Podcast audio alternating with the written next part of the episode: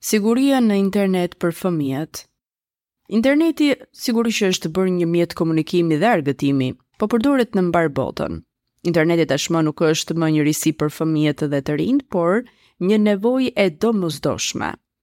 Të gjithë fëmijët tashmë kanë një sërë të drejtash që duhet të respektohen edhe në internet, kanë të drejtën për të mos u shqetësuar, për të mos u ofenduar apo ngacmuar nga përdoruesit e tjerë. Ata kanë të drejtë të komunikojnë dhe gjithashtu të argëtohen. Në anën tjetër fëmijët kanë të drejtë të marrin informacione dhe këto informacione të kenë përmbajtje të përshtatshme për moshën e tyre. Dhe zhvillimet teknologjike kanë gjeneruar mundësi të reja që përfshijnë të drejtën për të prodhuar informacion, për të shprehur veten e tyre dhe për të gjeneruar ide. Tani ata janë protagonistë në internet dhe jo vetëm konsumatorë pasivë. Zhvillimi i vrullshëm i teknologjisë në vitet e fundit po shoqërohet njëkohësisht dhe me ekspozimin e fëmijëve ndaj risjeve të shfaqura si rrjedhojë e lundrimit jo të sigurt të fëmijëve në internet. Prandaj si shoqëri, si prindër, si profesionistë, duhet të marrim masa në mënyrë që fëmijët të jenë sa më të sigurt. Në këtë këndvështrim, po japim disa këshilla të hartuara nga platforma kombëtare për sigurinë në internet, I sigurt pik al. Interneti është sistem global i rrjeteve të lidhura kompjuterike të cilat bëjnë shkëmbimin elektronik të të dhënave, me tekst, muzikë, video, fotografi, e të tjerë, nëpërmjet përdorimit të kabllove të bakrit, fibrave optike, lidhjeve pa tela dhe teknologjive të tjera. Këto informacione mund të të lexohen, mund të shikohen apo shkarkohen nga përdoruesit e tjerë. Pra interneti mundëson praktikisht komunikim nga një pajisje kompjuterike në tjetrën. Disa nga shërbimet që interneti ofron janë kërkimi në internet, posta elektronike, bisedat online, rrjetet sociale, lojërat online, sidomos këto të fundit që fëmijët i përdorin shumë. Cilat janë rreziqet kryesore? Përpos lehtësirave dhe avantazheve që interneti ofron, Duhet theksuar se duke patur parasysh që janë miliona njerëz që përdorin internetin, atëherë edhe numri i keqpërdoruesve është tepër i madh. Përdorimi i internetit nga fëmijët është rritur dhe në këtë aspekt Kërkime të ndryshme kanë gjetur se fëmijët që përdorin internetin më shumë kanë mundësi që të mësojnë më shumë dhe të ekspozohen ndaj rreziqeve më shumë. Edhe pse ka rreziqe në internet, fëmijët nuk mund të kufizohen nga përdorimi i tyre, sepse në ditët e sotme përdorimi i internetit është një pjesë natyrore e zhvillimit të fëmijëve. Fëmijët duhet të kuptojnë se ata duhet të përmbahen disa rregullave në mënyrë që të jenë të sigurt kur ata janë online.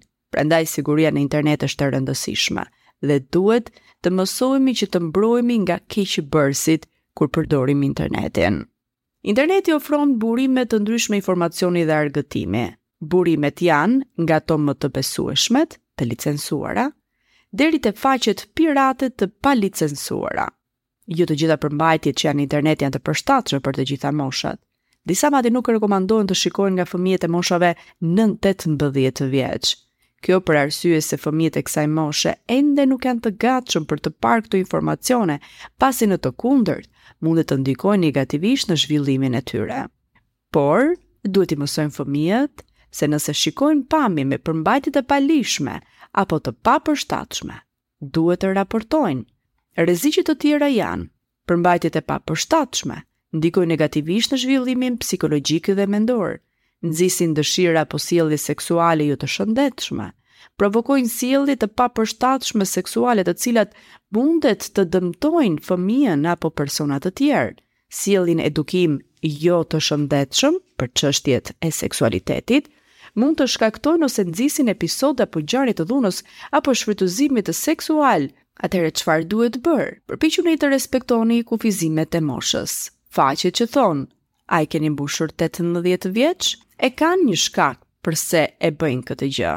Kuptoni që jo çdo informacion mundet të gjendet në internet, është i besueshëm.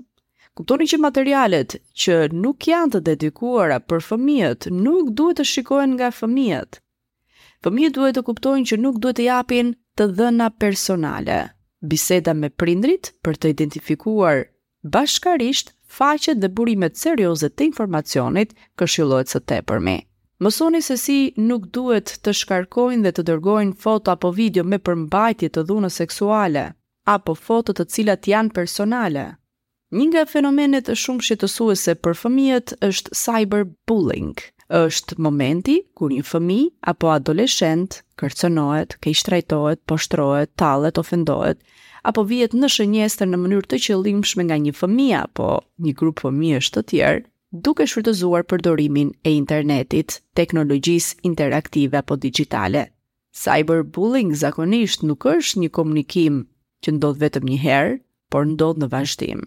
Nëse fëmija juaj po preket nga fenomeni cyberbullying, atëherë ju duhet t'i thoni të mos i përgjigjet mesazheve, ruani mesazhet orën datën ku e keni marrë apo bëjeni print screen, bllokoni aksesin e atyre personave, nëse keni pranuar mesazhe me përmbajtje fyese apo kërcënuese, Nuk është fëmija që ka fajin, që ka marrë mesazhin, fëmijët duhet t'i tregojnë prindërve apo një të rrituri të besuar, është prindi ai që do të mundohet të identifikojë personin i cili po ngacmon, mos i mësoni fëmijët të hakmerren, i mësojeni të kërkojnë ndihmë dhe raportojeni në faqet që kanë të bëjnë pikërisht me këtë, siç është edhe www.isigurt.al.